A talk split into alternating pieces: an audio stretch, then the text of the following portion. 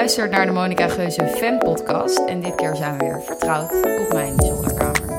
En naast mij zit Doortje. En tegenover mij zit Ernst-Jan Fout, ondernemer, podcastmaker, zelfverbeteringsgoeroe. En niet te vergeten, CEO van de Correspondent en de Correspondent. En daarmee mijn baas. Hoi Ernst. Oh ja, hoi. Hoi. Is dat gek? Met welke identificeer je het Vind jij het meest? gek? Nee, want ik ben niet je leidinggevende, dus zoveel afstand tussen ons. Oké. Toch? Ja, je zit ook letterlijk een verdieping hoger. Dus Oh, fysieke afstand. Klinkt echt heel erg. een soort van Olympus van de correspondent. Waar nooit iemand komt. Ja. Laat het even liggen dit, oké? Dat Wat was de vraag? Waar, waar identificeer ik mezelf het meeste mee? Ja, Zelfverbeteringsgoeroe natuurlijk. Nou, guru aspect? Nee, ondernemer. ja. Ja, sorry. Of had ik dan ook vader en geliefde erbij moeten zeggen? Ja, maar dat ik er zelf niet over begin zegt al genoeg dan, toch? Oké. Ja, nee, ondernemer. Of mens. Ondernemend mens. Oké. Dat klinkt iemand... eh, Oké, ik, ik hou mijn mond. Eh, we beginnen altijd met de eerste vraag. Door. Ik heb hem niet voorbereid. Oh, nou, dat kan wel. Want Ernst zit niet op Instagram. Oh. Nee, ik heb een gedeactiveerd account. Gedeactiveerd. Ben je dan wel te vinden? Wat een strikvraag. En waarom? Wat is een gedeactiveerd In het account? werkelijk leven ben ik geacti- een geactiveerd mens. En op Instagram ben ik gedeactiveerd. Gedeactiveerd. En waarom? Omdat ik... eh, ja, ik werd, er niet, ik werd er niet echt gelukkiger van, had ik het idee. Ik zat elk, elk moment op te vullen met, met Instagram. En eh, ik had het, gewoon het cliché, de hele tijd het idee... dat andere mensen iets leukers aan het doen waren dan ik. Maar ik kan er ook echt last van hebben. Dus Had je dat meteen al? Ermee? Ja, eigenlijk wel. Hoe lang had je het? er? Ik heb wel... eh, nou, ik heb, was er vrij vroeg bij. Dus Instagram stond net, volgens mij 2011 of zo. Ja, dat is snel. Ja, toen het nog, toen het nog een soort hipster was. Hipstermatic, ja. Ja. En eh, dus ik heb het heel lang gedaan. Maar ik, dus dat had ik heel erg. En ik ging alles gewoon zien in het kader van hoe kan ik dit delen. En daar ben ik gewoon een beetje moe van. Wat dan bijvoorbeeld? Nou, dan ging ik naar een concert en dan dacht ik de helft van het concert, of in ieder geval een kwart van, oh ja, Hmm. hoe ga ik dit nu vastleggen? Mhm. En eh, ja, daar werd ik niet, dat, daar genoot ik niet echt van. Je was wel echt actieve gebruiker. Zeker. Ging je dan in het begin ook met zo'n nostalgisch filter de zee fotograferen? en zo? Ja, ik was in Oh, Barcelona nice. toen ik ermee begon. Dus ik heb de zee heel vaak gefotografeerd. En dan was ik in een Airbnb en dan ging ik daar allemaal objecten fotograferen. Oh ja. Dan kon je gewoon nog tien foto's op een dag plaatsen. Maar dat was echt nog gek. zo... Dat voelt nu zo'n blast from the past. Ja. Dat je inderdaad in een heffen filter iets ging delen. filter, ja, ja. ja, ja. Best leuk eigenlijk. Volgens mij gebruikt niemand meer een filter. Iedereen gebruikt zo'n app waar je het Ik gebruik wel een filter. Echt? Ja, als ik Oh, een foto een share. Ja, als ik een foto share. Wat voor filter? Ja, weet ik veel hoe die allemaal heten. Oh, oké. Kijk gewoon, het, eh, eh, kijk gewoon zwart-wit. hoe ik er het beste uitzie. Oh ja. Nou, goed om te weten dat je dat doet. Ik dacht dat alles no filter was. Maar nee, dus. Maar, en merk je verschil nu je van Instagram af bent? Ja, ik denk dat ik het nu een jaar geleden heb gedeactiveerd. Dat vind ik wel echt fijn, dat je niet hoeft te verwijderen. Mhm. Dus het is, ik kan altijd nog terug als ik dat zou willen. Maar Zoals- kan je er dan ook nog op kijken? Nee, Oké. nee, zodra je ook maar iets doet, dan zegt Instagram welkom terug, Ja, we ja. gaan er weer vol Dan grijpt het je weer. Ja. Ehm, dus nee, ik mis het eigenlijk niet echt. Hmm. Maar alleen werktechnisch wel. Dus ik voel me altijd licht schuldig. Dus ik heb nu twee dagen geleden op mijn een telefoon die alleen maar werklicht, heb ik Instagram weer gezet. Ah. En dan volgen de correspondenten die correspondent mee. Maar sorry, je voelt je altijd licht schuldig? Ja, omdat ik dan het werk van een aantal collega's niet zie, wat wel super belangrijk is. Dus ik, ik heb dan het gevoel dat ik niet mijn werk goed doe.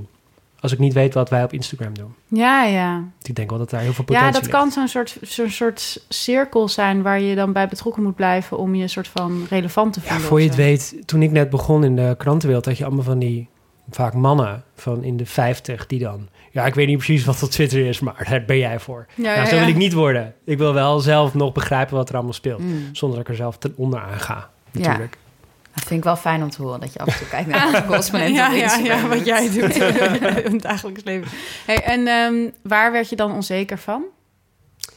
Nou, eh, dat, dat andere mensen plaatsen, of iedereen plaatst de highlights van Mm. zijn of haar leven. En ik kon daar dan wel gevoelig voor zijn als ik... Ik zat, begon iets meer, iets vaker op de bank te zitten... dan toen ik op een gegeven moment kinderen kreeg. En Kreeg ik, je kinderen tegelijk met Instagram? nee, nee, Iets vier jaar, vier jaar daarna. En, eh, dus ik zat wat vaker thuis. En dan ondertussen zag ik wat ik allemaal miste. En ik heb best wel aanleg voor FOMO. Dus ik dacht, ik moet hier gewoon mee stoppen. Want Dus of de kinderen of, of Instagram. Ja, en, en ik vond, ik kan er ook wel echt, ja, het is eigenlijk wel. En ik kon mens, mensen, sommige mensen zijn er heel goed in. En dan wilde ik daar ook zo goed in worden. Maar dat vergt gewoon belachelijk veel tijd. In, de, in, dat, de Instagram in dat jargon. Ja, ik heb Ja. er nooit op gezeten voor, nou misschien helemaal in het begin voor de lol. Maar daarna altijd om iets te halen. Hmm. Dus om de correspondent te promoten. Ja, god, wat doe je nou eigenlijk echt voor de lol, hè? Nou, ik hoop wel een paar dingen. Ik doe een paar dingen krijgen. voor de lol. maar in ieder geval niet Instagram. Het was gewoon echt werk. Ja, maar dat is het voor mij ook wel echt, hoor. Het is echt wel puur werk. En ik prijs me soms wel echt gelukkig dat ik nu een boek heb geschreven over influencers... en zoveel mensen heb geïnterviewd over dit... en over je onzeker voelen door dat, die digitale versies van jezelf en van anderen... dat ik wel merk dat ik me er... Ik kan me er wel redelijk goed voor afsluiten, maar ik heb ook... Ik begin nu dus, nu ik er meer deel... omdat ik het gevoel heb dat dat goed is En je bent laatst publiekelijk gegaan, toch? ja, Ja. ook. Dat ik daar ook dus meer over nadenk. Dus ik was gisteren bijvoorbeeld op een, op een eh, middag in het concertgebouw eh, met Marta Noesbaum. En er was dan een moment dat mijn moeder samen met Marta Noesbaum daar stond. En dacht Mhm. ik, nou, dit is wel heel Mhm. leuk, weet je wel. Maar ik durfde gewoon, ik zat niet in een goede plek. En ik durfde niet op te staan eh, om die foto te maken. Maar ik, ik heb daar wel, denk ik, zeker vijf minuten over nagedacht. Van, zal ik dit doen? Ja, vijf verloren minuten. Eigenlijk dat hele, die, die hele situatie lang heb ik daarover nagedacht. Ik vind dit heel herkenbaar. Maar en, en jij gebruikt Instagram voor je werk, maar je deelt ook wel dingen uit je persoonlijk leven, toch? Jawel. En doe je dat dan ook met als doel je werk promoten? Of heb je dan gewoon de behoefte om te delen? Ehm eh, goh, weet ik niet. Ik ben wel een soort van één met mijn werk of zo. Hmm. Dus ik voel dat ook niet heel erg als iets anders. Als ik een foto deel van een boekenbal of zo. Hmm. denk ik ook wel van ja, daar ben ik ook omdat ik een boek heb geschreven. Nou ja, omdat ik me ook best wel kan voorstellen... je hoort influencers ook wel, die weten gewoon wat goed werkt. Je moet iets van je persoonlijk leven laten zien om Je mensen kind. engaged te Oh, houden. op die Kinderen manier. werken. Je kinderen bijvoorbeeld. Dat vind ik maar ook ook best wel heftig. een gezicht. Ja, Ja. dat vertelde Jamie Lee hier ook. Dat de foto's die het beste werkten waren een Ja. kind of een Maar hoe- zoenende foto Hoe is dat nu voor jou, Leen? Want jij deelt eigenlijk heel weinig nog Maar ik heb nooit echt veel gedeeld. Ehm, ja, ik weet niet. je Ik- deelt de hele dag professioneel. Ja. Ja, Ja. Ehm, ik heb die behoefte gewoon niet echt. Ja. En ik krijg ook wel, het moment dat ik iets deel... een soort van adrenaline rush die ik helemaal niet chill vind. Wat dan? Ja, dat. Dus dat je gewoon zo een beetje opgefokt wordt. Ja. Ehm, Omdat je gaat kijken hoeveel me- mensen het liken of zo. Ik denk überhaupt eh, de kwetsbaarheid dat je laat zien wie je bent door iets te delen. Oh ja. Maar ook de feedback loop vind ik gewoon, daar ben ik heel gevoelig voor. Maar het is de, of mensen wel reageren en hoe ze Nou ja, en reageren. hoe, ja, dus Ja. gewoon dat je direct respons krijgt. En dat heb ik inderdaad in mijn werk de hele tijd. Dus Ja, in ja. mijn privéleven hoef ik dat gewoon niet. Meer privé. Ja, nee. Ja, dat, dat er dan weer een directe prestatie aan gekoppeld is. Ik weet niet, daar ontspan ik gewoon niet van. Nee, dat, ik voelde me altijd een beetje vies dan. Dan had ik iets geplaatst en dan ging ik de paar uur daarna gewoon de hele tijd kijken wat Ja. ik deed. En eh, het is ook daar, dus in die zin past het ook niet bij me. Oh ja, zo. ik heb Weinig juist wel dat op het moment dat ik iets geplaatst heb, heb ik zoiets van: oké, eh, weer klaar ermee. En dan, dan leg ik het dus juist weg en dan vergeet ik het heel vaak. Klinkt echt heel dus gezond. ik heb de, de meldingen ook uitstaan van Insta. Oh ja. Dus ik vergeet sowieso dan. alle meldingen uit. Ja, dan vergeet, vergeet ik dat, dat, het, dat ik het weer geplaatst heb of zo. Maar Oh, het, is wel, het, is, het is wel, ik, ik moet er wel, ik moet het wel echt. Nou ja, van bijvoorbeeld, ik had laatst dan opnames voor een documentaire en dacht ik, oh ja, ik moet hier wel echt even iets van delen, weet je wel? Want dit is. Ja. hey, en Ernst, wat doe je dan nu op de verloren momenten? Ik heb dus een appje waar ik helemaal gek van ben. Readwise heet dat. Oh ja, daar En dan- ik over. Ja, dan kan je, wat het, wat het doet is als je op je Kindle iets leest of in eh, Pocket of Instapaper. Eh, Doortje, weet je wat Sorry, dit zijn? Instapaper? Ja, nee. Weet je wat Pocket is? Nee. Oké, nou, Pocket Pocket is wel is echt fantastisch. Kindle is zo'n e-reader, toch? Ja. Ja, heel goed. Ja. Pocket Daar twee zie ik wel eens hetzelfde. iemand mee in de trein. Oh, maar dit is, dit is echt geweldig. Dit, dit, ik denk echt dat dit een hele grote invloed op je leven gaat hebben. Want het is gewoon een service waarmee je kan zeggen... dit artikel of dit filmpje of deze podcast... wil ik later lezen of luisteren of Ja, bekijken. Ja, het is echt te gek. Op Memory Padder zijn ze ook groot fan. Oh, dit heet? Dit is Instapaper. Pocket. Ja, Oh, Pocket kan je het beste gebruiken. Ja. Op Instapaper is echt alleen maar lezen. En Pocket is wat breder. Ja, ja. En dan, dan sla je dingen daarin op of zo. Ja, Ja. en als ik het dan daar lees en ik zie een interessant citaat... dan kan ik dat highlighten en een notitie bij maken. En al, al dat soort apps bieden dat wel aan. En Readwise verzamelt het allemaal. Dus van Kindle, wat je in iBooks leest, wat je dus in Pocket leest. En het is eigenlijk heel simpel. Het laat gewoon elke dag zeven nieuwe citaten zien uit boeken of artikelen die je ooit gelezen hebt. Oh, dus Eh, je krijgt het soort van terug of zo. Ja, en ik, ik denk dat ik al acht jaar lang op een Kindle ehm, boeken highlight. Dus ik krijg allemaal dingen uit het verleden terug die ik toen interessant vond. En ze hebben ook een feed waar je eindeloos heen kan scrollen. Dus ik kan gewoon eindeloos zien Dat is dan ooit... persoonlijke feed dan? Ja, Als ik dit hoor, hier krijg ik FOMO van. denk ik, fuck, Heb ik jij moet dit? alle boeken highlighten die ik ooit gelezen heb. Ik wil dit ook. Ik, Het heb, lijkt me ik, echt ik fantastisch. voel helemaal niks. Nee? Nee, echt helemaal niks. Oh, het heb je niet- zo leuk om citaten van vroeger terug nee, te lezen. nee, mijn- Ja, want ik heb nu, ik had laatst, ik had afgelopen weekend een boek uit en toen dacht ik, dit boek komt gewoon nog bij me terug. Vroeger was het dan kwijt en misschien dat ik er één ding uit vasthield, Eh, een les die ik eruit leerde of een mooie passage. En nu weet ik gewoon, dit boek blijft de rest van mijn leven bij me. Dus ik blijf de rest van mijn leven de hoogtepunten eruit tegenkomen. Dat is toch een heerlijk gevoel. Ja, dat is ook een beetje de reden dat ik graag een boekenkast met fysieke boeken heb. Dan kan je Oh, er gewoon naar kijken en denken, oh ja. Nou ja, En dat ik mis had, ik echt bij een Kindle. ik, ja, ik had gewoon... Sowieso lees ik eigenlijk nooit op een e-reader. Nee, ik ook niet. Maar ik had wel nu bijvoorbeeld afgelopen weekend... dat ik ineens op een bepaalde manier weer even een boek van Kierkegaard pakte... waar ik mijn bachelorscriptie over heb geschreven. Mhm. En daarin al mijn aantekening dingetjes en potloodstreepjes en uitroeptekentjes en zo Mm. zag staan. En dat ontroerde me toen ineens heel Mm. erg. Dat ik dacht, ach, schattige 20 of 21-jarige ik... die zich aan het verdiepen was in vrees en beven. Ik kan me wel voorstellen dat de impact daarvan echt anders is dan zo'n toeltje dat je een highlight Ja. stuurt. Dat juist dat gekriebel in het Ja, ik vind dat wel cute. En ik lees wel altijd met een, met een potlood en pen. Mhm. Dus dat, ik doe het wel. En Maar ja, bewaar je al die boeken dan? Ja, ik gooi ze niet weg. En dan moet je dus... Als je Ja, het maar je hebt dan natuurlijk je minder een-. Ja, precies. Je hebt minder een natuurlijke manier waarop dat steeds... Maar ja, ik vraag me dan nu dus meteen af van... Ik lees ook niet met het idee van... ik wil hier later nog iets mee doen. Ja, als ik er iets mee wil doen, dan doe ik het. Ehm, maar niet met het idee van... dit moet later nog een keer bij mij terugkomen... zodat ik een soort van geoptimaliseerde... Nee, het gaat niet per se alleen maar over leren Dat zit er ook al in. Ik bedoel, dat is wel de helft. Maar ook gewoon mooie passages. Ja, ja, dus dan zit Ja. jij op de fiets ontzettend te genieten van een... eh James nou ja. Salter passage. Ja, eigenlijk wel. Maar wat Ja. is dan bijvoorbeeld een passage die je vandaag of gisteren bij je terugkwam? Ehm, vandaag was een beetje een saai dag. Ging alleen maar, waren alleen maar boeken die ik had gelezen over geld. Dus Mm. een beetje saai. Noem dat maar saai. Ja. Onze podcastluisteraars zijn heel erg geïnteresseerd in geld. Ik ben ook heel erg geïnteresseerd in geld. vragen over geld. Ehm, maar dat zijn dan wel goede reminders. En dat had ik wel een beetje hetzelfde gevoel als wat jij net omschrijft. Over de nostalgisch. Want ik kwam een boek tegen over geld dat ik had gelezen. Ehm, volgens mij dezelfde, dezelfde reisje naar Barcelona als dat ik Instagram Mhm. ging gebruiken. Rich Dad, een, Poor Dad. een levensbepalende reis. Ja, oh, willekeurig Rich reisje. Dad, Poor Dad. Ja, ja. en daar kwam ik allemaal Dat citaten uit tegen. Dat is heel populair onder influencers, grappig Oh, genoeg. Ja, Ja, het is niet helemaal oké. Het is geschreven door een man die eh, enorme aanhanger is van Trump en daar ook heel veel Ah. boeken mee heeft uitgebracht. Maar die heeft ooit een boek geschreven toen hij nog niet die reputatie had, waarin hij uitlegt dat hij twee vaders had in zijn leven. Eh, zijn echte vader was de poor dad en zijn aangenomen vader de rich dad. En dus de, zijn eh, ene vader leefde altijd in armoede en beredeneerde alles vanuit het gaat toch niet lukken. En Mm. zijn andere vader die was heel erg was een ondernemer, heel erg op mogelijkheden gericht. En dan gebruikt hij dat stijlmiddel om uit te leggen hoe je het tot Ah. geld kunt verhouden. ja. En dat de Amerikanen zich altijd in schulden storten en hoe je Mm. daar mee om zou moeten gaan. En als ik daar nu, eh, Show notes. Ja. ja. als ik daar nu notities Oh, dit van, worden eh, wel weer show notes, hoor. sterk te lenen. hè? In het zelfhulpgenre. Ja. Waarschijnlijk alleen gericht aan mij. ik weet helemaal niet of onze doelgroep dit leuk vindt. Eh, want we, du- we duiken eigenlijk al helemaal in de materie. Want we wilden het vandaag hebben over optimalisatie. Want Ernst Mhm. die heeft voor de correspondent...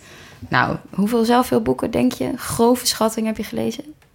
Ik denk 50 of zo. 50. Oh, dat vind ik meevallen. Ja, Ik vind Ja. echt heel veel.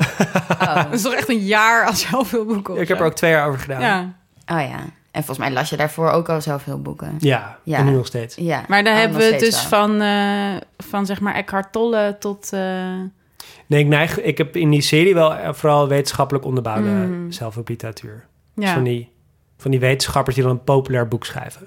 Een mega succesvolle serie op de correspondent.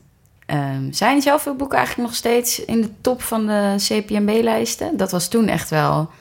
Ja, nog steeds. Ja, ja. Ikigai, dat soort... Wat is nu populair? Ikigai nog steeds? Nee, je hebt Guy, die ja. Mark... ehm, heet die Mark Manson? Ja, die heeft een nieuw boek Subtle uitgebracht. Art of Not Giving a Fuck. Ja, die zie ik overal. Die Ja. heeft nu Everything is Fucked uitgebracht. Een boek over hoop. Nog niet gelezen. Oh, Maar dat het zal hetzelfde zijn, maar Ja. dan net anders. Ja. Ja. Een beetje zoals elke zelfhulpschrijver doet wel. En waar, als je zeg maar moet samenvatten, er is vast wel iets waar al die zelfhulpboeken zo'n beetje op neerkomen. Ja, Wat ehm, dan? nou, het zijn een paar dingen. Eerst is dat je niet dingen moet doen om de beloning, maar moet genieten om het proces zelf. Ja. Intrinsiek, ja. ja. Ja, heb je het ook vaak over gehad, geloof ik? Kant. Zeker. En dat je Vind dan, jij Kant intrinsiek? Vind ik echt Een niet. Kantiaanse imperatief? Oh, ik vind het Kant Kantiaanse autonomie-ideaal helemaal niet intrinsiek. Nee, ik vind nee, het heel nee. rationeel. Maar de imperatief wel op zich, toch? Ja, dus als je het morele... Ja, dat misschien wel. Maar Kant heeft als ehm, idee van vrijheid... dat je vrij bent als je jezelf de wet kan voorschrijven. Hm. En dat vind ik niet intrinsiek. Want ik kan heel rationeel bedenken... oké, wat ik wil is dit doel bereiken... en dan kan ik totaal dissociëren van... waar mijn intrinsieke motivatie eigenlijk ligt... of hoe ik me voel. Omdat ik me blind staar op dat doel. Ja, ja maar, maar op zich is die Kantiaanse imperatief toch wel een goede graadmeter van of je intrinsiek gemotiveerd bent. En hoe De- zie je dat dan? Nou, of je iets doet, bijvoorbeeld, bijvoorbeeld of je een vriendschap aangaat om de vriendschap. Oh, zo. Of om er zelf beter van te worden. Ja, ja, maar ja, dat, dat is meer... Ja, ja, klopt. Nou ja, we gaan nog wel een keer zelf Ja. veel boekjes schrijven. En misschien weer een keer Kant lezen... want ik raak ook gewoon alles op van mijn studie. Even op je Kindle, even kijken. Ik zag laatst wel een kritische recensie ook. Dat iemand zei, ja, dat Sartre vrijheidsbegrip... dat leggen jullie helemaal niet goed uit. Ja, die vond dat ik te Ja. slordig was geweest. Nou, Ja. prima. Ja, wij, wij, wij associëren een beetje. Ik negeer dat soort dingen gewoon, maar ik wist al dat jij had gelezen en het ook had gezien. Uiteraard. ik heb het lang voor me kunnen houden, de kritiek. know.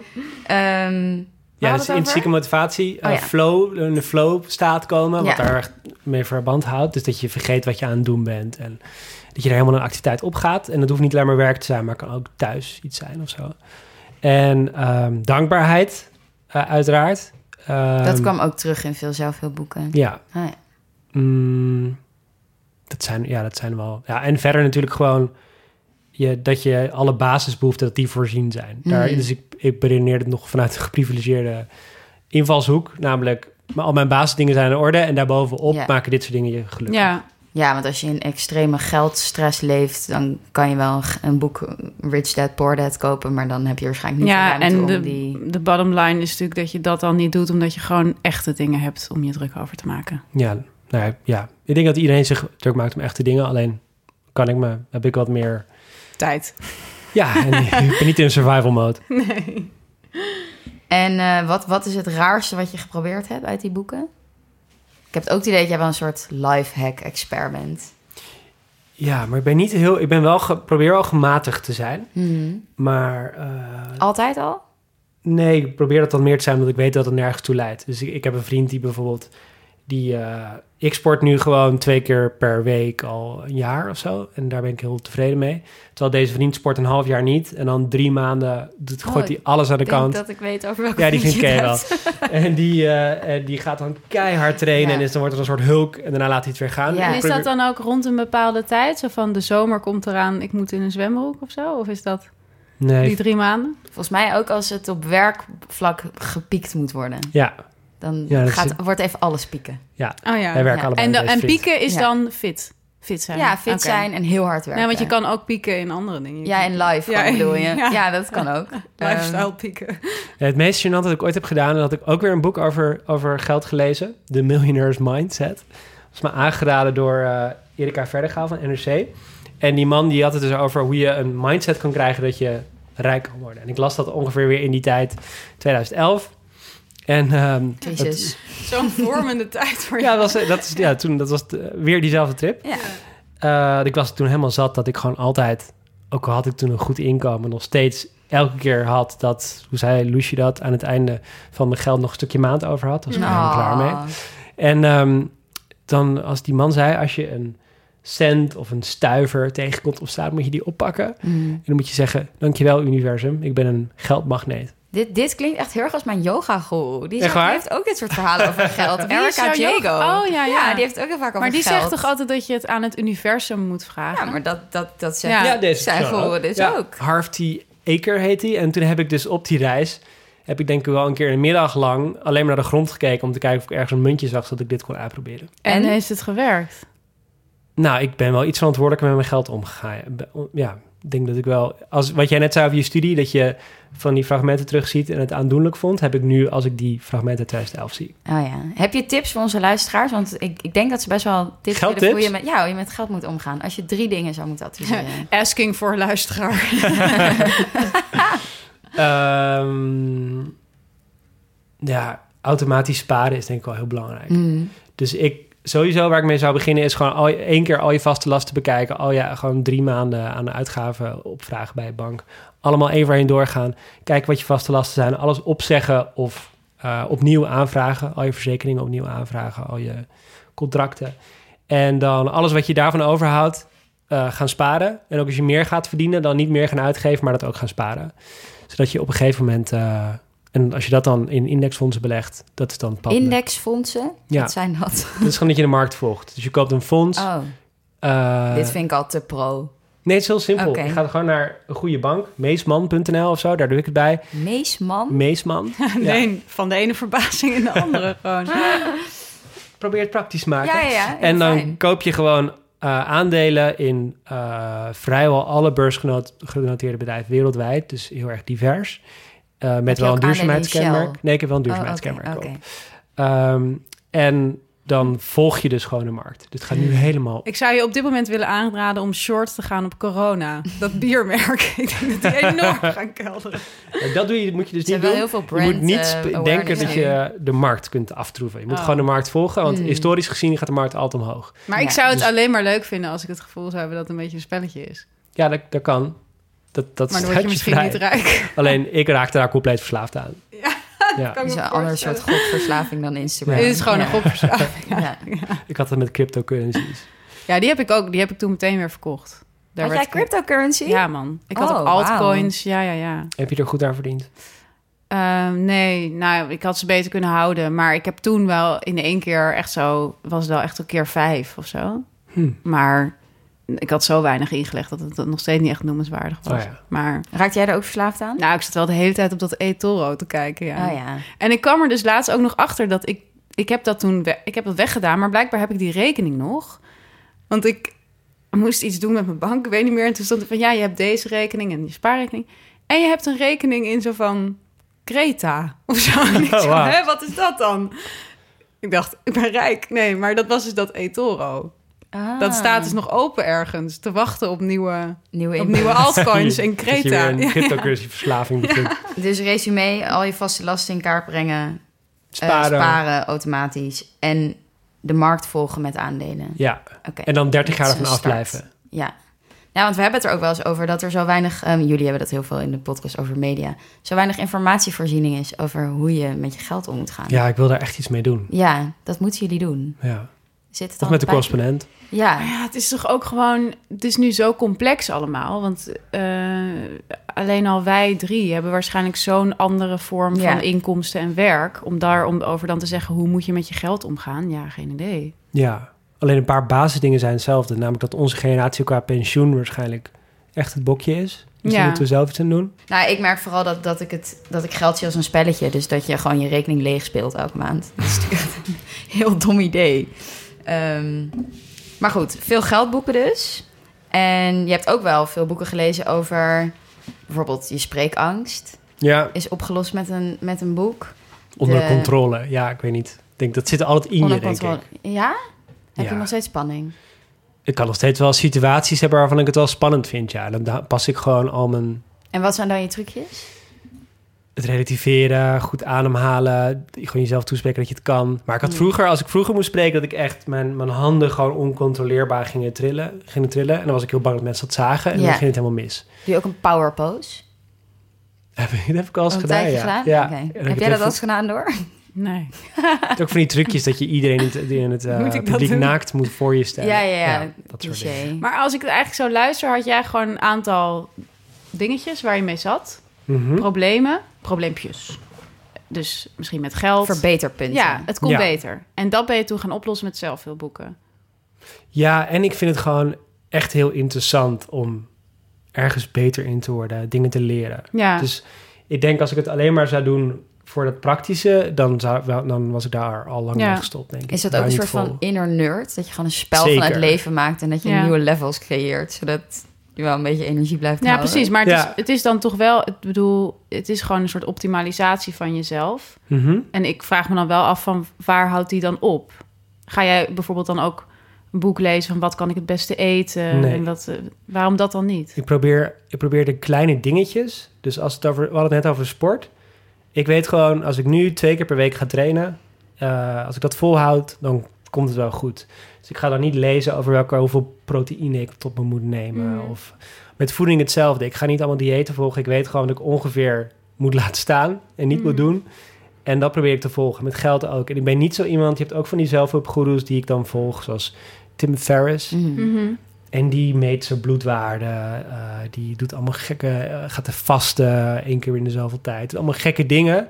Echt totaal optimalisatie. En Ja. daar, dat vind ik niet interessant. Ik Ja. Waarom niet? Ja, omdat... ehm, omdat het dan een soort dwangmatig wordt. En het moet geen... Het Is moet het bij jou nooit dwangmatig geweest? Nee, want ik doe... Het moet, als je het maar als een, als een soort middel ziet. Ik zie al die, die optimalisatiedrang van mij... zie ik Mhm. als een middel om meer tijd te besteden aan dingen die ik belangrijk vind. Ja. En dat is het einddoel. En niet de optimalisatie zelf. Ja, want ik, ik kan me herinneren, ik heb jou wel eens geïnterviewd toen jouw dankboek voor het eerst uitkwam. En ik herinner me dat je toen vertelde dat je op een gegeven moment allemaal hacks had om ehm, meer, meer tijd over te hebben. En dat je toen die tijd dan ook weer ging besteden aan werk. Ja, dat is, dat is waar. Ja, ik heb wel op een gegeven moment...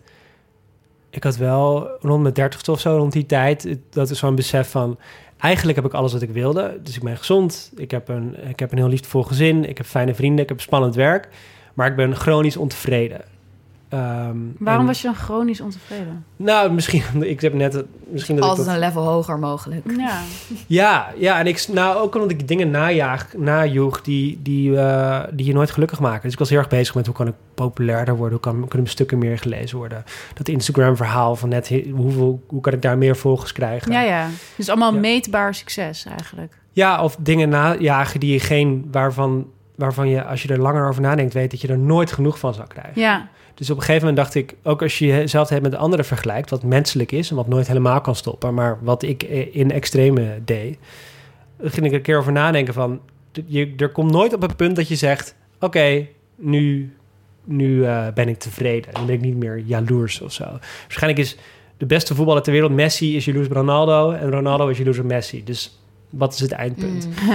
Ehm, en dus ik ben mezelf toen heel erg gaan, ehm, ja, proberen aan te leren te richten op dingen die we wel echt gelukkig maken. Eh, en ik heb wel het gevoel dat dat... Het zal ook wel een beetje bij leeftijd horen en zo, bij, bij mijn levensfase. Maar ik merk wel dat ik nu veel minder gejaagd ben, veel meer gericht op wat me echt voldoening brengt. En niet op hoe ik eh, overkom of over hoe populair ik ben of whatever. Hmm. En hoe ontdek je dan waar je voldoening uit haalt? Nou ja, dat zijn een beetje die dingen die ik net opzonde, waarvan, waarvan iedereen wel weet dat je daar gelukkig van wordt. Ehm, dus je die intrinsieke familie. motivatie, flow, dierbare tijd met hen doorbrengen. Die vergat ik net nog te noemen. Ehm, En was dat met dat optimaliseren dan ook heel erg met plannen? ja, dat doe ik nog steeds. Ik plan nog ja, steeds super ik wou, want ik wou net zeggen van, doe jij wel eens iets gewoon spontaan? Gewoon random. Jawel. Wat maar eh, nou, uitstapjes met mijn gezin. Elk weekend gaan we wel erg een paar je keer doet toch nooit een spontaan uitstapje met je gezin? Dan moet je toch heel erg plannen juist. Nee. Nee. Gewoon word je wakker en zeg je, jongens, Ja. we gaan naar Texel. Bijvoorbeeld. We gaan naar New York. Nou, daar zijn we iets minder flexibel in geworden, maar wel, weet ik veel. Dit is nu, het klinkt nu heel lullig naar jouw voorbeelden, maar we gaan naar Dierenpark Amersfoort. Fucking leuk. Wel heel leuk dat jullie dat doen. Ja, Ik vind het best wel moeilijk om spontaan in het weekend te denken... nou, ik ga er vandoor. Dierenpark Amersfoort. Dus ook omdat als je met twee kleine kinderen thuis blijft, helemaal gek wordt. Dus, ja, oké, je moet op stap. ja. Ja, vind jij het moeilijk om spontaan? Eh, ik ben niet een heel spontaan persoon, nee, denk ik. En ik heb wel behoefte aan controle. Hmm.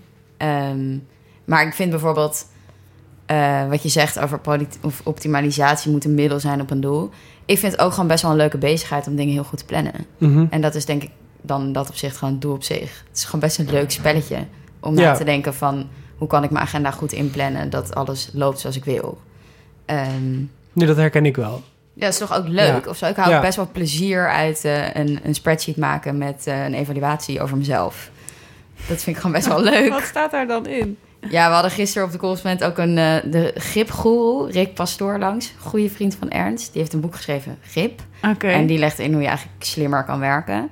Waaronder de Google Calendar, waardoor je dus een beetje een allergische reactie van krijgt. Ik dat ze een Google Calendar invite kreeg. Ja, Maar wij leven met de Google Calendar.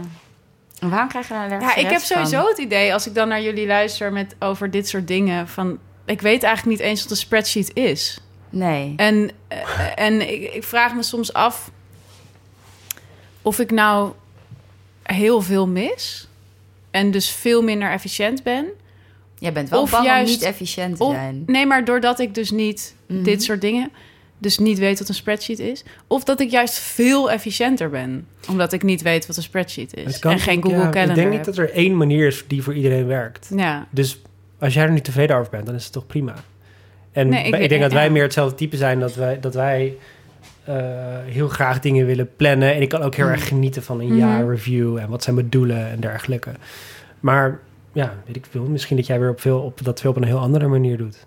Ja, helemaal niet en dat ook natuurlijk prima in een, vindt. in een organisatie. Dus Ja. je moet je sowieso veel meer verhouden tot hoe de organisatie nou functioneert. ja, ik merk dus inderdaad wel dat, en ik had het dus met deze afspraak ook, dat is de Google Calendar invite voelt voor me, ik vind dat echt zo irritant. Als ik dat dan al krijg en dan denk ik, oh god, en dan moet ik op ja klikken en dan zit ik daar aan vast. En dan ben ik nu onderdeel van dit systeem geworden, dat ik dat helemaal niet wilde. En dan wordt op een bepaalde tijd op mij... Ik heb gewoon een papieren agenda. Mhm. En daar ben ik eigenlijk heel tevreden over. Zeg maar gewoon, ik sla die om op zondag en dan zie ik wat erin staat. En dan Je wil je gewoon niet conformeren Denk aan ik- anderen. ja, nee, precies. Ik wil gewoon overal onderuit kunnen. Ik wil altijd kunnen zeggen, oh, ik vergeten op te schrijven. Oh, maar dat heb ik ook wel. Ik ben altijd op zoek naar de nooduitgang. Maar als jij een Google Calendar, want jullie kunnen toch elkaars Google Calendar zien? Dat hangt er vanaf van je Oh, instellingen. hij wel van jou, maar jij niet van hem. Volgens mij kan ik wel in jouw agenda Ik kijken. het ook wel. Ja. Maar dat is Ja. toch weird? Nee, maar ik kan bepaalde dingen op privé zetten. Dat doe ik dan. Oh ja.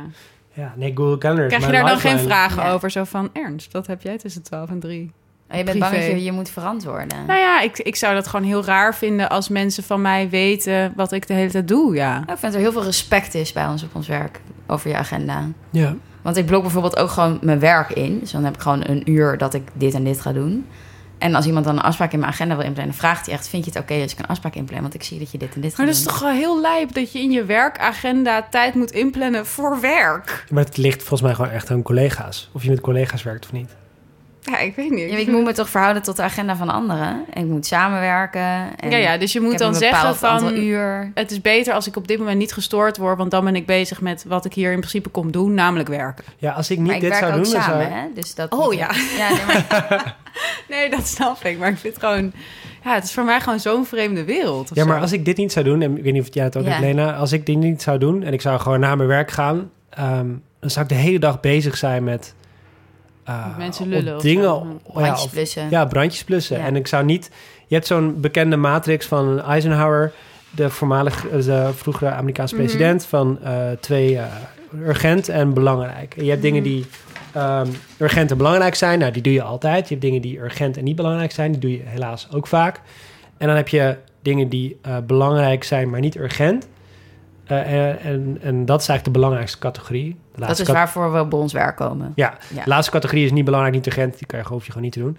Maar de dingen die dus belangrijk zijn, maar niet urgent, die, daar zou ik dus nooit meer aan toekomen. Ja, dus ja, dat maar ene- wat is dat dan bijvoorbeeld? Nou, weet ik veel, dat ene, een, een vijfjarenplan voor de correspondent maken. Of eh, dat ene artikel waar, dat ik al heel lang wilde schrijven, maar waar nooit een deadline voor komt. Ja. Wat er nooit gebeurt. En daar, daarom, ik was altijd iemand die heel erg dingen uitstelde. Tot ik Mhm. een keer eh, een stuk las bij Wait But Why van Tim Urban. Die zei, het is prima als je altijd gewoon op de deadline werkt. Maar dan kom je dus nooit toe aan de dingen die geen deadline hebben.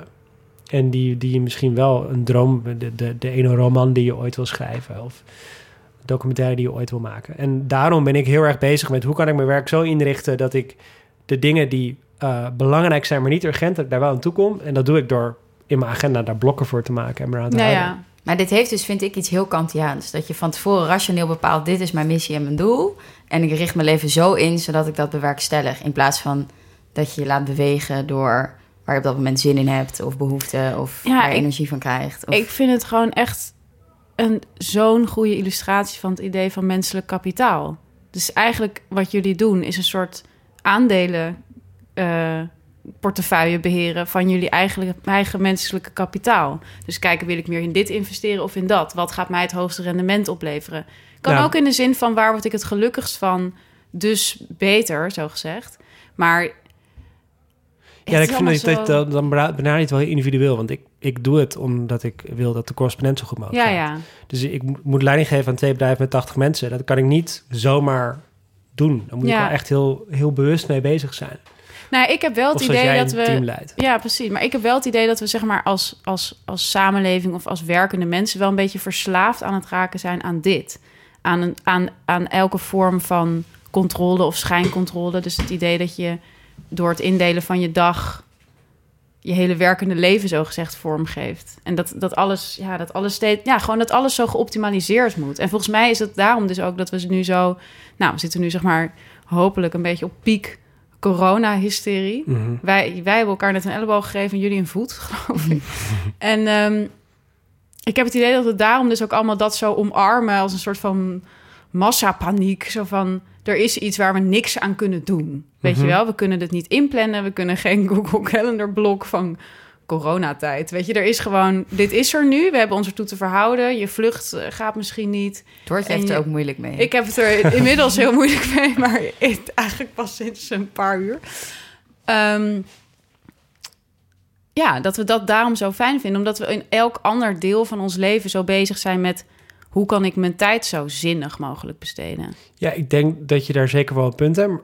Alleen denk ik ook dat het een reactie is op dat we in een tijd leven waar we veel meer informatie te verwerken hebben dan Mhm. vroeger. Veel meer onzekerheid hebben dan de generaties voor ons. En daarom, Onzekerheid? ja, dus Qua- geen vaste baan Ja, ja. meer, Geen eigen huis, geen pensioen. En daardoor veel meer bezig moeten zijn met, ja, nou ja, wat je zegt, le- letterlijk controle proberen te krijgen. Als je dat niet zou doen, dan zou je de hele, en je zou gewoon de, de grillen volgen van die worden opgelegd door, door sociale media bedrijven of door, door ehm, opdrachtgevers. Dan ben je alleen maar bezig met de hele dag eh, kijken wat voor nieuwe notificaties je Ja. hebt en welke, wat, er, wat er nu weer in je slotmachine eh, is gebeurd die Facebook is of Instagram of whatever. En alleen maar bezig met, ehm, eh, nou ja, proberen. Als je niet zelf nadenkt over wat voor werk je wil toe wil voegen, de- toe wil voegen, wat voor waarde Ja. je toe wil- voegen, dan bepaalt iemand anders het voor. je. Ja, maar ik Ja. vind het wel grappig wat je zegt. Van als ze dat niet zouden doen, zouden we ons laten leiden door die informatiestroom. Ja. Terwijl En ik denk juist, soort- doe je dat niet worden. juist op het moment dat je je zo laat... Want eigenlijk denk je toch al zo computerachtig... op het moment dat je zeg maar je tijd zo in blokken gaat indelen... en dat dan in een Google Calendar gaat zetten en zo. Het is toch, veel, het is toch heel weinig creatief dan, hoe je met je tijd omgaat. En ik vraag me af, als je niet creatief met je tijd omgaat... kan je dan überhaupt creatief zijn? Nou, ik, ik vind het wel een interpretatieverschil. Ik merk dat ik daardoor juist veel meer aan creatief werk toekom. Hmm. Dat ik anders gewoon zou verzuipen in, in nieuwe mailtjes, nieuwe Slackberichten, uh, ad hoc vergaderingen, et cetera. Ja, Maar ik vind het wel grappig, want ook die, tijdens die presentatie van Rick Pastoor... hij noemde het zelf ook zodat je kan werken als een robot. Ja. Ehm, dus er zit wel iets in dat je jezelf ziet als machine die op je werk komt... en dan zo veel mogelijk Ja. waardevolle output moet hebben... en dan weggaat en dan weer mens bent. of zo. Nee, maar don't get me wrong, hè? Want ik bedoel, het is ook niet alsof ik elke dag opsta en ze heb van, nou, wat ga ik doen? Weet je wel, ik heb, ik heb namelijk wel ook best wel een, een, eh, een soort schema waar ik me aan hou. Maar dat is veel meer een soort van organisch ontstaan, gewoon Mhm. along the way. Ik bedoel, ik ben nu denk ik, weet ik veel, iets van vijf jaar aan het schrijven of zo, gewoon als, als baan. Eh, en vooral, nee, eigenlijk altijd als freelancer. En ik weet nu bijvoorbeeld heel goed hoe mijn hoofd werkt en hoe mijn lichaam werkt en wat het beste werkt voor mij. Dus ik weet dat ik zeg maar, als ik iets moet schrijven, moet ik het tussen 9 en 1 doen. Maar dat Op is de toch dag. precies Nee, hetzelfde ja, ik zit dus te denken, is dat hetzelfde? Dat weet ik Ja. niet. Want ik heb wel. natuurlijk, ik heb geen, zeg maar, bij mij is dat heel organisch zo gegroeid. Weet je wel, op een gegeven moment merkte ik, ik had vrienden, collega's, whatever, die dan om vijf uur eens even aan dat stuk gingen beginnen. En ik zat echt om vijf uur achter mijn computer van, ik kan het, ik kan het gewoon niet meer. Terwijl als ik er om negen uur aan begin, dan weet ik dat ik het gewoon, dat het gewoon komt. En ik weet dat als ik tussendoor een wandeling maak, dat is het allerbest. Dus Ja. Het is ook optimaliseren. ja, ja, nee, het is ook heel Ja, we zijn echt precies hetzelfde. En er zijn, in, en er zijn een paar kleine verschillen. Maar alleen, ik denk dat het dus voor mij, omdat het voor elke dag voel, elke dag is het, er is geen Google Calendar die mij vertelt dit moet je doen, en ik kan er op ook elk moment van afwijken. Ja, ik denk dat er kleine verschillen zijn. Dat jij iets minder techniek inzet dan ik. En dat je je eh, tot minder mensen hoeft te verhouden op een dag. Dat sowieso. En, en daar, komen die, daar komen denk ik de verschillende uitvoer vandaan. Ja, En dat vind ik wel spannend aan dat je zo relied op een heel productiviteitssysteem. Dat benoemde die Rick ook. Van ehm, als je systeem uitvalt. Ik ben zo ge- aangeleerd om dingen niet meer te onthouden, maar meteen op te schrijven, zodat ik er over ja. nadenk. Ja, Om een werkgeheugen leeg te maken, zoals ze dat noemen. Dat eh, mijn laptop was kapot. Toen viel mijn hele systeem uit elkaar. en dan kan ik gewoon niks. Ja. En dan ben je natuurlijk toch maar dat weer is heel toch, dat afhankelijk is toch van... eng dan? Ja, dat vond ik best vervelend, ja. Ja. ja ik sprak twee developers gisteren na, na deze Ja. presentatie. En die zeiden allebei dat ze heel graag juist zichzelf willen trainen zoveel mogelijk Ja, onthouden. om te onthouden. Ja, dat, daar zit toch Ja. wel een soort van waardevol Nou, dat Iets is toch het in- idee dat we daar al die Griekse woordjes voor geleerd hebben, omdat, te trainen. ja, die ben ik nou allemaal weer vergeten. Daar moet toch iets voor in de plaats zijn. Nou, en ik denk dat het hele gevaar van het zo van tevoren al helemaal uitdenken... en dat hoor ik ook wel in wat jij zegt... is dat je, dat daar heb ik zelf last van... halverwege kan verliezen waar ik zelf eigenlijk behoefte aan heb. Ja, Dus je leert wel met dat idee van dat je rationeel kan bepalen... dit is mijn missie, dit is mijn doel... dat je dan alle handelingen in dienst daarvan stelt. En ik kan onderweg wel verliezen waar ik zelf eigenlijk nog ben. Ja, ja, ja, voel. precies. Maar het is aan de andere kant ook alweer, want ik heb dus echt wel. Ik merk dat ik mezelf wel heel erg geconditioneerd heb om eh, te denken: een dag is waardevol als ik geschreven heb. Hmm. Of als ik. Nou, op, maar ik ben vaker aan het schrijven dan iets anders aan het maken. Maar het kan ook, een document, het kan ook zijn van ik heb gefilmd voor een documentaire of zo. Maar er moet iets gecreëerd zijn op een dag. En op het moment dat ik dan zo'n dag heb met allemaal afspraken, dan denk ik daarna, ja, wat heb je nou gedaan? Weet je wel, je hebt Mhm. gewoon de hele tijd koffie gedronken met die en die en een beetje lopen lullen. Maar dan heb ik niet echt een bevredigd gevoel. Terwijl als je natuurlijk gewoon op een, in een organisatie werkt en iemand zegt van, hé, hey, dat is super waardevol dat jij dat gedaan hebt, want dat brengt ons als team weer verder en zo. Dan denk ik dat je je daar misschien meer gewaardeerd in zou voelen of zo. Nee, je hebt wel Ja. minder feedbackmomenten. Dat kan ik me voorstellen. Als schrijver. Ja, ik sowieso een feedback-moment vind ik. Vind nou, ik Instagram is toch grappig. ook een feedbackmoment. Als je allemaal lovende DM's krijgt. Ah, ja. Je krijgt op een gegeven moment gewoon applaus. Je maakt iets. En dan krijg je de reacties daarop. Ja. Applaus, dan sta je in de aandacht. Maar en dat dan is wel het weer echt. Ik mensen vragen wel eens van: heb je veel reacties gehad? Zeker veel reacties gehad op dat stuk. En dan zeg ik wel eens: ja, het is echt wel veel reacties. Maar in de praktijk, echt, hoeveel mensen iets, iets sturen naar aanleiding van een stuk? Nou, bijna nooit. Nou, ga schrijven voor de correspondent. Ja. Want daar krijg je genoeg reacties. nee, echt gewoon. Ja, misschien krijg je heel soms krijg je een mailtje of zo. Ga lekker in de Instagram van de? Monica Geuze podcast. Op podcast. Krijg je ja. waarschijnlijk wel Op podcast reacties, krijgen we wel veel reacties. Ja. Ja. dat is wel echt heel leuk. Ja. Laatst tijd wel iets minder. We moeten controversiëlere podcast maken. Ja, daarom hebben we jou uitgenodigd, Ernst. Ehm, Ja, ik mag het nog even, wat jij Ja. net zei, Lena, over, over dat je dus dingen niet meer kan onthouden. Dat, dat- Ja. Ik denk dat ik dat ook heb, want ik ben gewoon echt een tweede brein ja, aan het maken. ook, Ja. En dat vind ik wel echt interessant in deze tijd, dat we de hele tijd moeten nadenken over hoe verhouden we ons tot techniek. Hmm. Dus ik, had in, ik heb een tijdje in Amerika gewoond, toen heb ik me een jaar lang aan Amazon overgegeven Oh ja. als experiment. Super interessant. Leuk. Dus ik had er zo'n... Nu in zo'n- Nederland, jongens. Ja, dat Ja, kan ik kreeg een mailtje. Ja. Dus ik had zo'n zo'n eh, echo met Alexa staan en ik liet alles bezorgen. Ik had, Wat weet is een ik, echo van Alexa? Dat weten onze woke luisteraars. Oh, sorry. Dat is zo'n zo'n praatpaal, die smart speaker die in je huis zet. En dan kan je zeggen, Alexa, ehm, countdown 10 minutes als je aan het koken bent. En je Hmm. moet een timer zetten. Of, eh, Volgende, ik wil ook een keer een, een podcast opnemen met Alexa als gast. of Siri. Mijn leven werd echt makkelijker door die praatpaal. Dus ik kon mijn boodschappen er gewoon zo mondeling aan toevoegen. En ze zetten kon- de boodschappen gewoon binnen, toch? Als je niet thuis bent. Ja. Sick. Dat lijkt me echt heel Eh, handig. Ja, en ik kon, als, als ik me iets afvroeg, dat gewoon meteen vragen. Eh, ik hoef muziek nooit meer op te zoeken, maar ik kon gewoon zeggen, speel het nummer af. Klinkt allemaal, al die individuele voorbeelden klinken allemaal een beetje lullig, maar het totaal is Mm. gewoon dat dat ding echt een soort gezinslid werd. Dus mijn zoon was toen drie en die ging er af en toe ook dingen aan haar vragen. En nu is dat ding weg. Dat is, daar hebben ze aan comfort ingeleverd, omdat we het niet oké vonden dat er acht mi- richtmicrofoons van Amazon meeluisteren. Acht microfoons komen erbij? Ja, er zit in zo'n Wow. ding. Ik weet niet precies of er acht zijn, maar in ieder geval heel veel. Ja. En, ehm, en er ook steeds meer voorbeelden kwamen van dat Amazon die data weggaf aan, aan bijvoorbeeld eh, de politie. Ehm, of dat er per dingen werden opgenomen en werden verzonden. Dus we, wilden, we maakten bewust de keuze van we willen dat ding niet meer. Maar hier, in Amerika is het nu helemaal normaal dat je zo'n ding hebt. In elk huis waar, huishouden waar je naar binnen loopt, staat zo'n ding. En dat gaat hier ook gebeuren. Dus op een gegeven moment, nou, Amazon is, gisteren hier aange- is natuurlijk gisteren in Nederland aangekomen. Google heeft zo'n ding. Op de stoomboot. Ja, ja, ja. Dus we moeten ons allemaal gaan afvragen op een gegeven moment. En de meeste mensen vragen dat natuurlijk niet af. Nee. Die gaan het gewoon in huis halen. Maar hoe ga ik me tot voice verhouden? En ga ik nu aan comfort inleveren... omdat ik privacy of whatever ja. belangrijk vind? En dat is hier eigenlijk ook met die productiviteit ook zo. Van, ik heb er nu voor gekozen dat ik niks meer... dat ik al mijn, mijn, mijn geheugen wil, Mm. wil toewennen aan waar ik op dit moment mee bezig ben... en niet om dingen te onthouden. Dus die schrijf ik allemaal meteen op. Of via Readwise, Ja. waar we het net over hadden.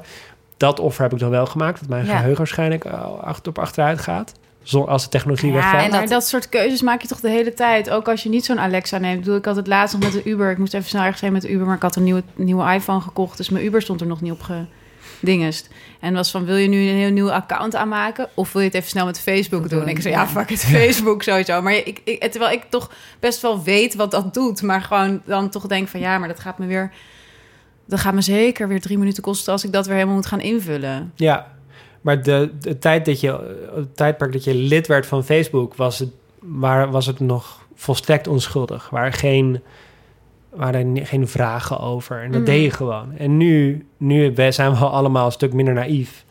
Ehm, en daardoor heb ik nu het gevoel van als er nu nieuwe technologieën komen die Oh, potentie ja. hebben van Facebook, hoe ga je daar dan in mee of niet? Ja, Maar dit is natuurlijk een hele kleine elitaire bovenlaag die zich hier bewust toe verhoudt. Ja, dus je hebt dat boek van Maxime Februari Ja, Klont. Klont. Ja. Die staat in de kast. Ah, maar die heb kijk. ik dus nog niet gelezen. Ja? Echt een heel Ja. vet boek. En daar gaat het dan over dat de elite heeft dan... Die wonen allemaal in Ja. een soort kooi waar geen bereik is. Hebben al hun apparaten Ja, ja. weggedaan. Een beetje zoals in Silicon Valley. Of die kinderen van Silicon Valley. eh, Ja. Mensen die naar soort eh eh, Rudolf Steiner scholen gaan. Ja, alle mensen die voor Facebook werken sturen hun kinderen naar scholen waar je geen Schermen, tablets ja, of ja. iPad of telefoons hebt. Ja. Dat zegt al wat. Het is toch ook best een statussymbool als je kinderen zonder schermen opvoedt. Of Ja. zelf, eh, Zelf niet op Instagram ook, zit. ja. Of, ik kijk nooit in mijn mail. Ja, Ja. of geen tv. Nou, dat is eigenlijk al zo standaard. Ik heb een tv. Maar goed, ik heb ook een printer. Ik heb gewoon een hele en ik rare kijken nu allebei om. Van waar staat... Ik vind het ook leuk om gewoon lineair te kijken. Echt? Ja, serieus. Ja, Leen is oprecht een van de weinige Zo mensen die, spontaan. die ik ken die, tv die echt tv In Ja. onze bubbel is dat eigenlijk gewoon retro nu. Ja, ik Ja. vind tv kijken gewoon best wel chill. Ja. Nee, maar, en- maar, maar wat het natuurlijk het interessante is aan lineair tv kijken... is dat het een vorm is van recreatie die je niet optimaliseert. Ja. In zekere zin, want je kijkt ook reclame en er Ja. zitten... Het Ik is vind geen reclames ook best leuk. Ja, maar optima optimaliseer jij je recreatie? Of jij, Ernst? Ehm, Nou, wie het eerst een antwoord weet, mag het zeggen. Hmm, ik, ik denk wel dat ik het tijd totaal overwaardeer. Dus dat ik mijn, mijn schema wel optimaliseer in hoe dingen op elkaar aansluiten. En wel Ja. verloren momenten, soort van... Ik denk ook uit angst voor onrust. Zoveel mogelijk uit mijn agenda bouw. Ja. Jij? Nou, ik had dus laatst dat ik ehm, een afspraak had om natuurwijn te gaan drinken en te eten. En dat ik toen daarvoor... ehm, eh, de, avond verliep op de, op de een of andere manier zo... dat ik daarvoor ook een afspraak had om wijn te gaan drinken. Maar dat ik Hmm, toen al wist, niet terwijl ik daarheen ging... maar dat is geen lekkere natuurwijn. En dat ik Mhm. toch een beetje treurig werd van het idee... dat dat eerste glas wijn van die, zeg maar, donderdagavond of zo... niet een optimaal lekker glas wijn ging zijn... maar gewoon een, een of andere Maar chablis. eigenlijk is dat iets anders dan optimaliseren, toch? Dus dat is een soort streven naar piekervaringen. Dat alles een hoogtepunt moet zijn. Ja, Ehm, maar als, als, ja, als jij vijf minuten op iemand moet wachten, vind je dat ook heel ik irritant. vind toch? wachten, ik Ja. vind ik wachten ben echt heel gewaarschuwd door Lena dat ik niet te Ja. laat mocht komen. Ja, Ja, je was ook vijf minuten te vroeg. ik durfde echt niet te laat te komen. Ja, ik vind, ik vind wachten heel irritant, maar dat heeft ook denk ik te maken met... Want ik ben zelf namelijk ook wel eens te laat. En dat vind ik altijd heel erg vervelend. Dan Dat is kom ik niet netjes. Dan kom ik echt binnen Ja. en dan zeg ik sorry, weet je, sorry. En dan ben ik zeven minuten laat. En dan heeft iemand echt iets van... Denk jij dat, dat ik het zo erg vond om hier even zonder jou te zitten? En laat jij je boosheid merken als mensen te laat komen? Ehm, Het ligt eraan. Ik kan het beantwoorden, denk ik. Volgens mij laat je dat niet echt Nou, het ligt eraan. Bij vrienden kan ik wel zeggen van, joh, weet je wel, een beetje vervelend of zo. Maar ik natuurlijk best wel vaak ook gewoon dat ik iemand nog moet interviewen of Oh ja. zoiets. En dan ga ik niet zo, ja, sorry hoor, ik heb hier eh, 20 minuten op Ja. jou gewacht. uur Laat gewacht. Go to gym. En zeker, eerlijk gezegd, influencers. Afspreken met influencers, echt. Dat is een, een totale oefening in nederigheid. wat dat. En dat- omdat we gewoon puber zijn? Nee, want ze zijn gewoon eh, mijn leeftijd. Hmm. Maar ze zijn gewoon allemaal te laat. Hm. Allemaal, constant. Hoe komt dat, denk je? Geen idee. Het zijn gewoon... Omdat, eh, ja, weet ik niet. Hey, en Ernst, optimaliseer jij je vrije tijd? Ja, totaal. Ja, wat maar dan? nog even voor de context. Ik heb dus, ik heb dus eh, twee bedrijven, twee kinderen. Dus ik moet wel. Als ik dat niet doe, dan, dan zou mijn huwelijk over een paar op de klippen lopen. Omdat we Hmm. elkaar nooit meer gesproken hadden en een team zouden vormen. En dat zou het dan zijn. Dus ik geloof heel erg dat je echt keuzes moet maken als je het zo druk, als je leven zo vol zit van wat vind ik belangrijk. Dus, en dit ga je weer afschuwelijk vinden, Doortje. Maar ik heb eh, dus een, ik heb voor mezelf bedacht van eh, een keer ergens een theorie gelezen over dat je voor jezelf moet bedenken wat is je club van 15. Dus 15 mensen die echt belangrijk voor je zijn. En daar moet iedereen in zitten. Ik kan niet zeggen, daar zitten mijn ouders of mijn kinderen of mijn, mijn geliefden sowieso in. Die moeten er Ja, ja. allemaal in. Ja. En ehm, eh, dat heb ik gedaan. En vervolgens heb ik voor iedereen die erin zit een ritueel bedacht, waardoor ik zeker weet dat ik ze zie. Eh, dat En is- Doortje, wacht. Dit staat in een spreadsheet. Toch? ja, Ja. ja. Oh, dat heb ik dit een keer in de podcast. Dit heb je in de Oh, podcast over meenemen. Die wilde ik, Ik er dus- heel ja. graag in gooien. Ik heb dus een spreadsheet met een rijtje met al die mensen. Is een spreadsheet een Excel? Ja. Ja. Oké. Ja. ja.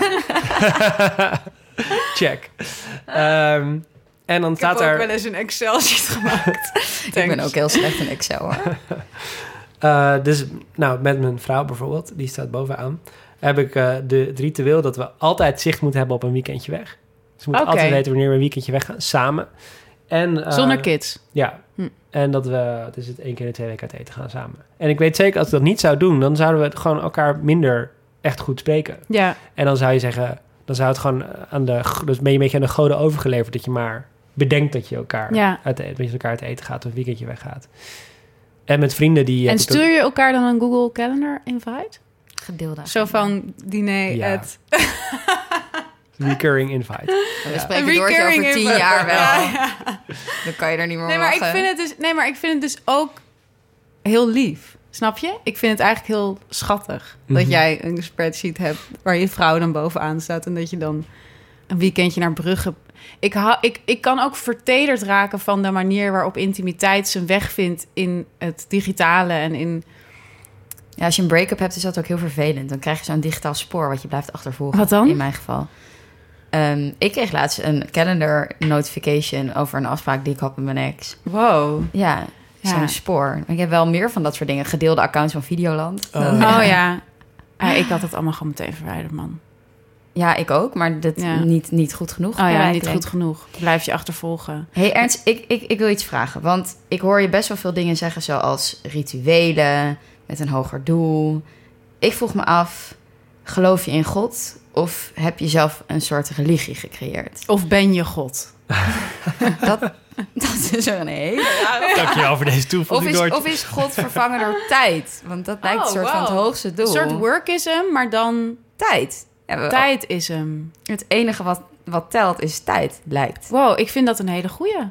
Ik heb dit niet zelf bedacht. Er was een Oh. stuk in New Yorker aan het eind maar van het claim jaar. het, claim het. Tijd If is God. God. is dead, time is on- the only thing that matters. Ja, het Ja, klikt, ik vind I know. echt een hele goeie.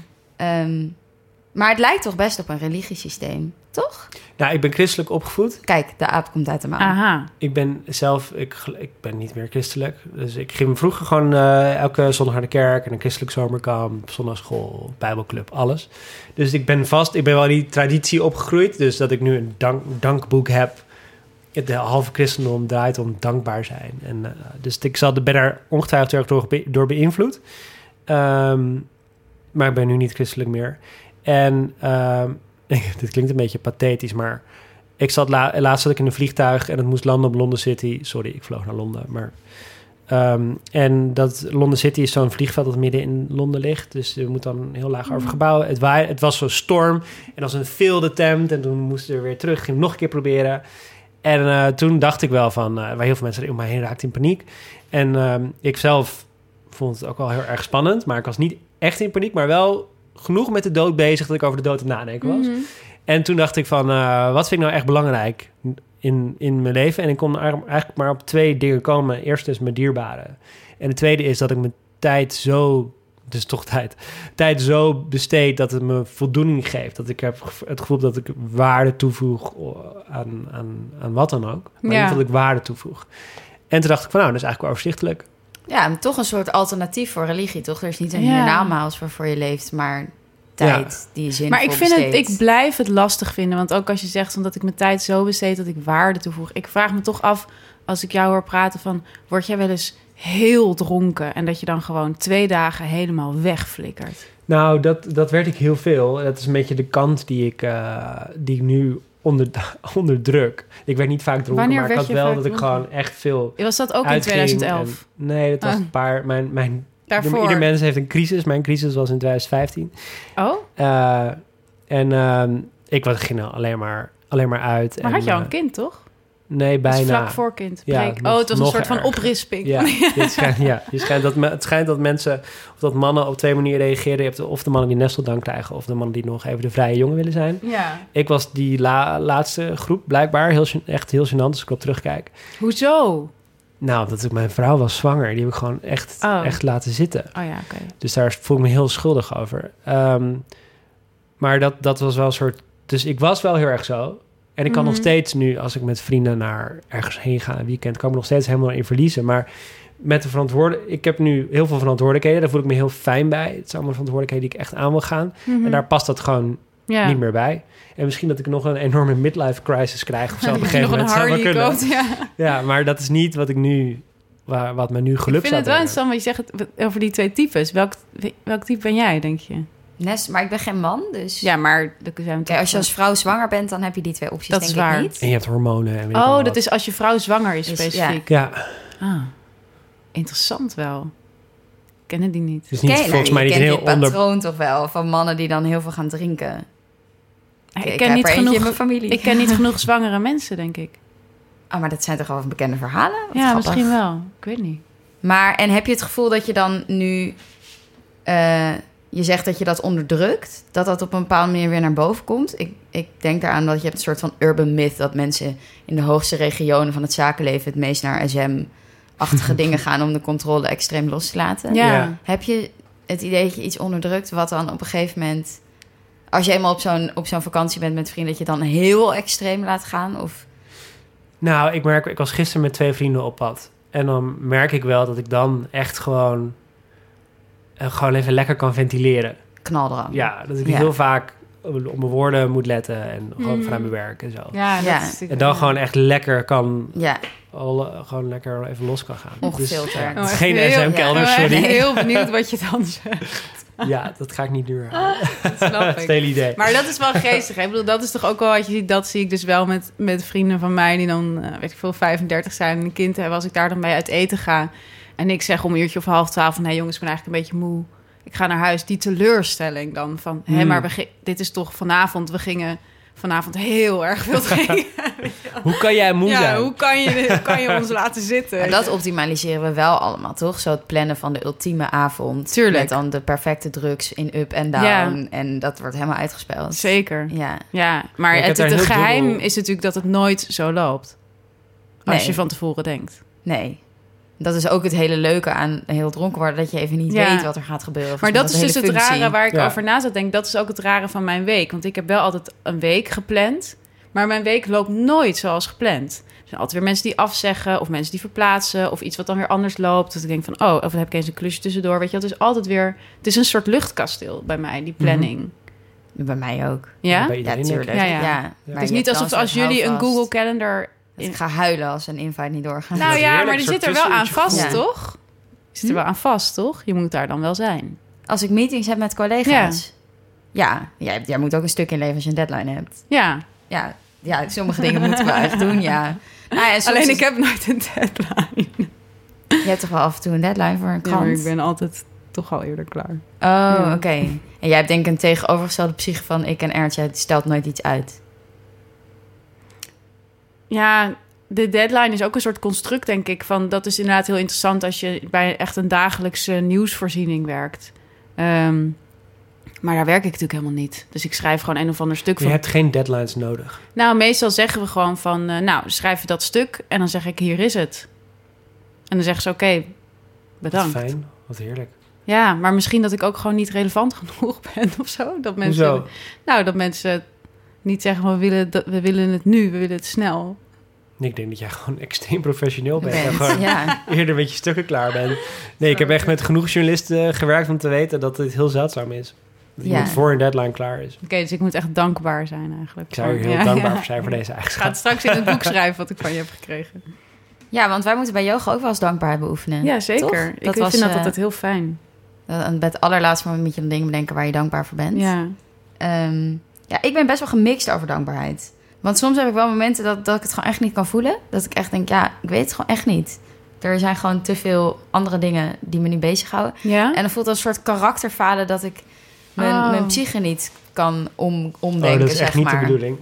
Omdat iedereen tegen je zegt van je moet dankbaar zijn. En als het dan niet lukt, dan voel je je... Nou, ik denk dat dat wel een beetje...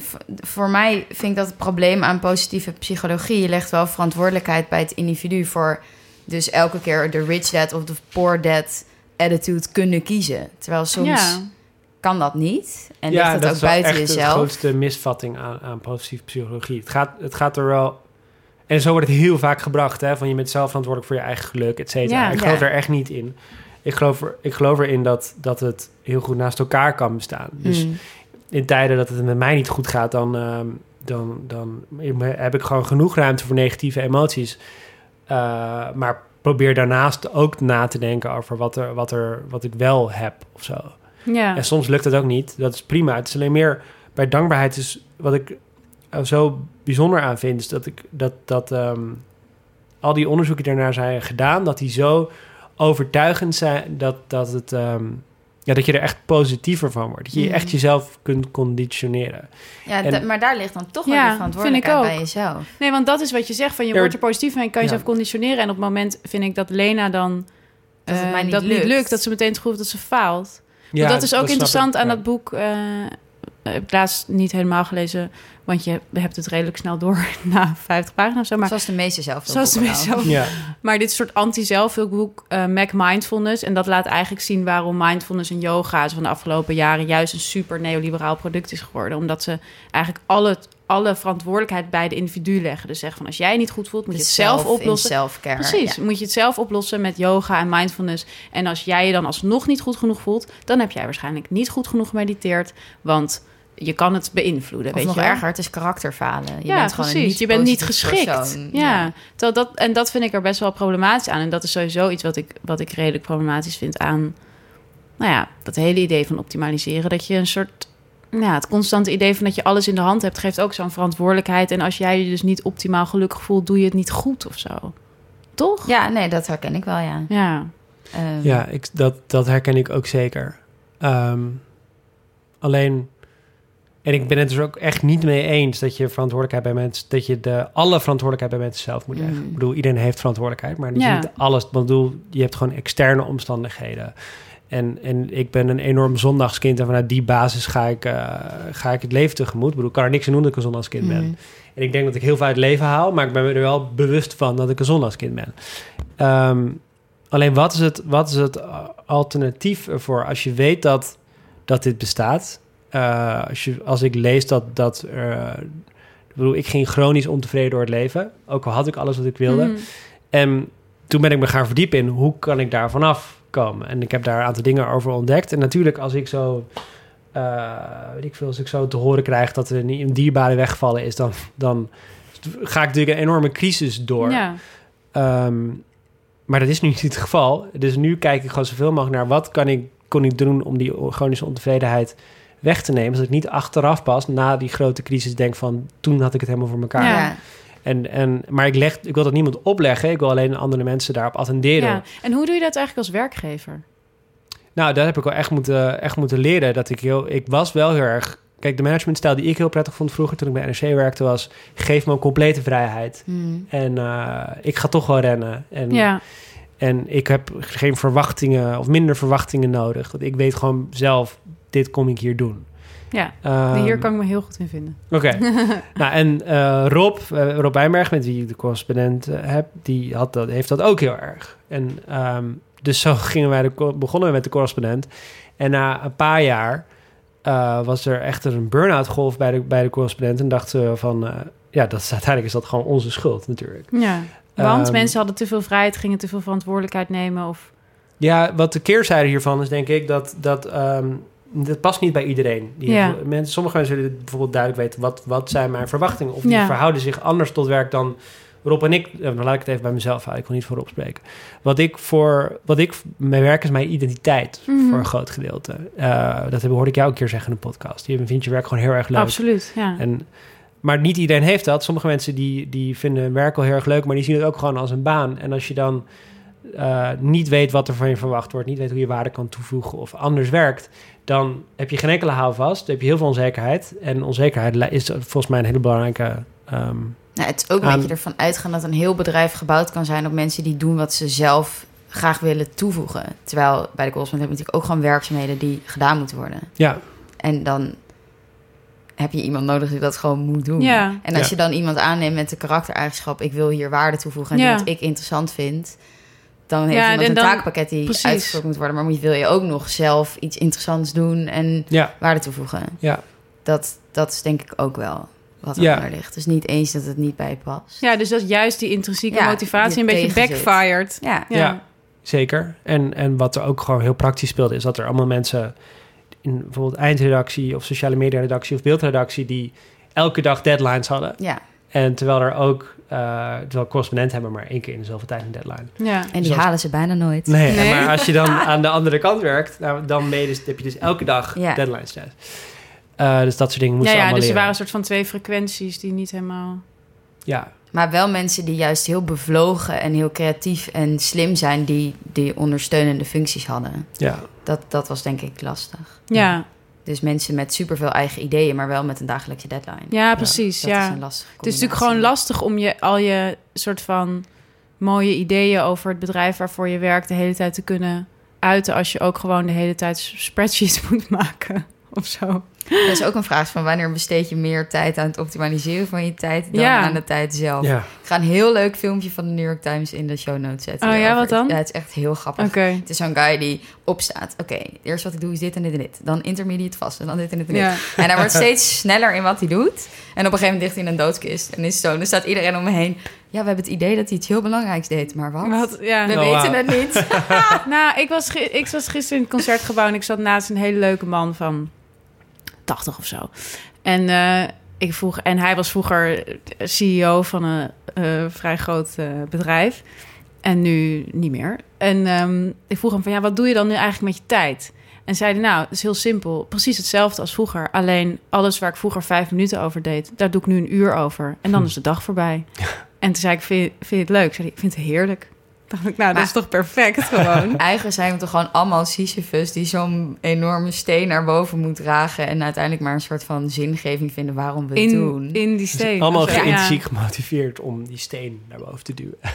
Nou ja, jij denkt dat er een soort doel is... namelijk dat je je tijd waardevol besteed Ja. hebt. En Ja. Doortje heeft het doel namelijk dat ze lol heeft... of weet ik veel. Geen idee Ja. wat mijn doel is, echt. Nou, jij hebt dus de zinloosheid omarmd. Ja, weet ik niet. Nou ja, ik ben, ik ben toch wel de laatste tijd heel erg fan van dat citaat van jouw vader. Van de kunst is zo te leven dat het je overkomt. Ja, Heb had hij goed gezien. nog even getwijfeld over een tatoeage. Daarop toch nog niet gedaan. Of de andere, move the product. Move the product. Ik, ik schip er eigenlijk tussen dat het je overkomt en move the product. Ja, Ja. neoliberaal, beetje boeddhisme. En boeddhisme. Ja. nou ja, maar ik, ik, heb, ik heb wel... Ik heb de laatste tijd wel echt de, de, de waarde leren inzien van dus juist ook het niet plannen. En Mhm. ik, want het gekke is dus, ik plan wel veel, maar die, die plannen komen heel vaak dan niet uit. Of dan loopt de avond weer anders. Of dan.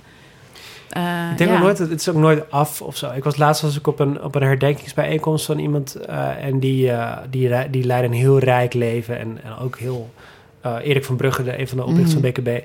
En heel veel vrienden en heel veel spontane momenten. En toen Ja. dacht ik van, oké, ik wil het weer meer, ik wil dit weer meer omarmen. En zo blijf je gewoon volgens mij, het is nooit af. Nou ja, en volgens want mij bewuster het, bezig zijn is heel waardevol. Anders over... Maar ook dat nadenken over je begrafenis vind ik dus zo'n vervanging voor religie. Nee, maar ik heb niet nagedacht over mijn eigen Oh, begrafenis. Ik dacht gewoon meer...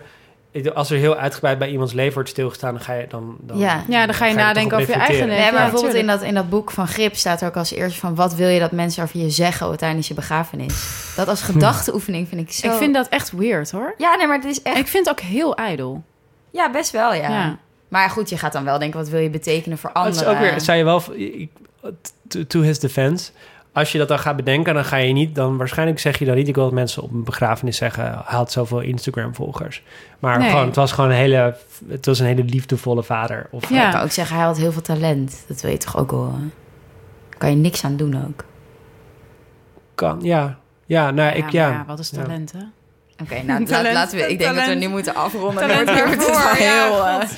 Ja, geen heel blasé. idee. hey Door, jij had nog eh, een eigen evenement. Want we hadden natuurlijk ons live event. was heel leuk om jullie te zien. Ja, het was zo leuk dat ik dacht...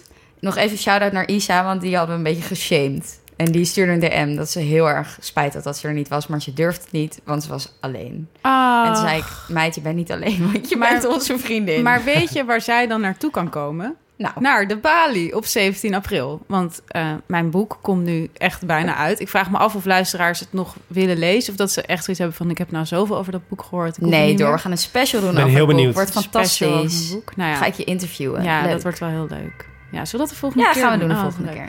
Ehm, maar eh, er komt een avond in de Bali waarin ik vertel over mijn boek. En waar een aantal mensen eh, langskomen. Linda Duits, een andere mediawetenschapper. Een influencer uit mijn boek. En eh, Christina Curry, waar ik heel blij mee ben. Die wilde ik Mm. heel graag. En eh, die heeft eh, ja gezegd. Dus dat is heel leuk. Dus dat is 17 april. En eh, ja, komt alle. Moet ik de link in bio zetten? Heel graag. Ja, ja, link in bio. Link in, En show, in de show notes. Ja, Oké. ja. Top. Nou, dan zien we jullie misschien ja daar. dat zou leuk zijn. Kom jij eerst? Ik vind het lijkt me heel interessant. Zet je het vast in je Google Ja. Calendar? Ik stuur, Stuur je mij een invite? Oké, zie ik je dan. Tot de volgende keer. Doei!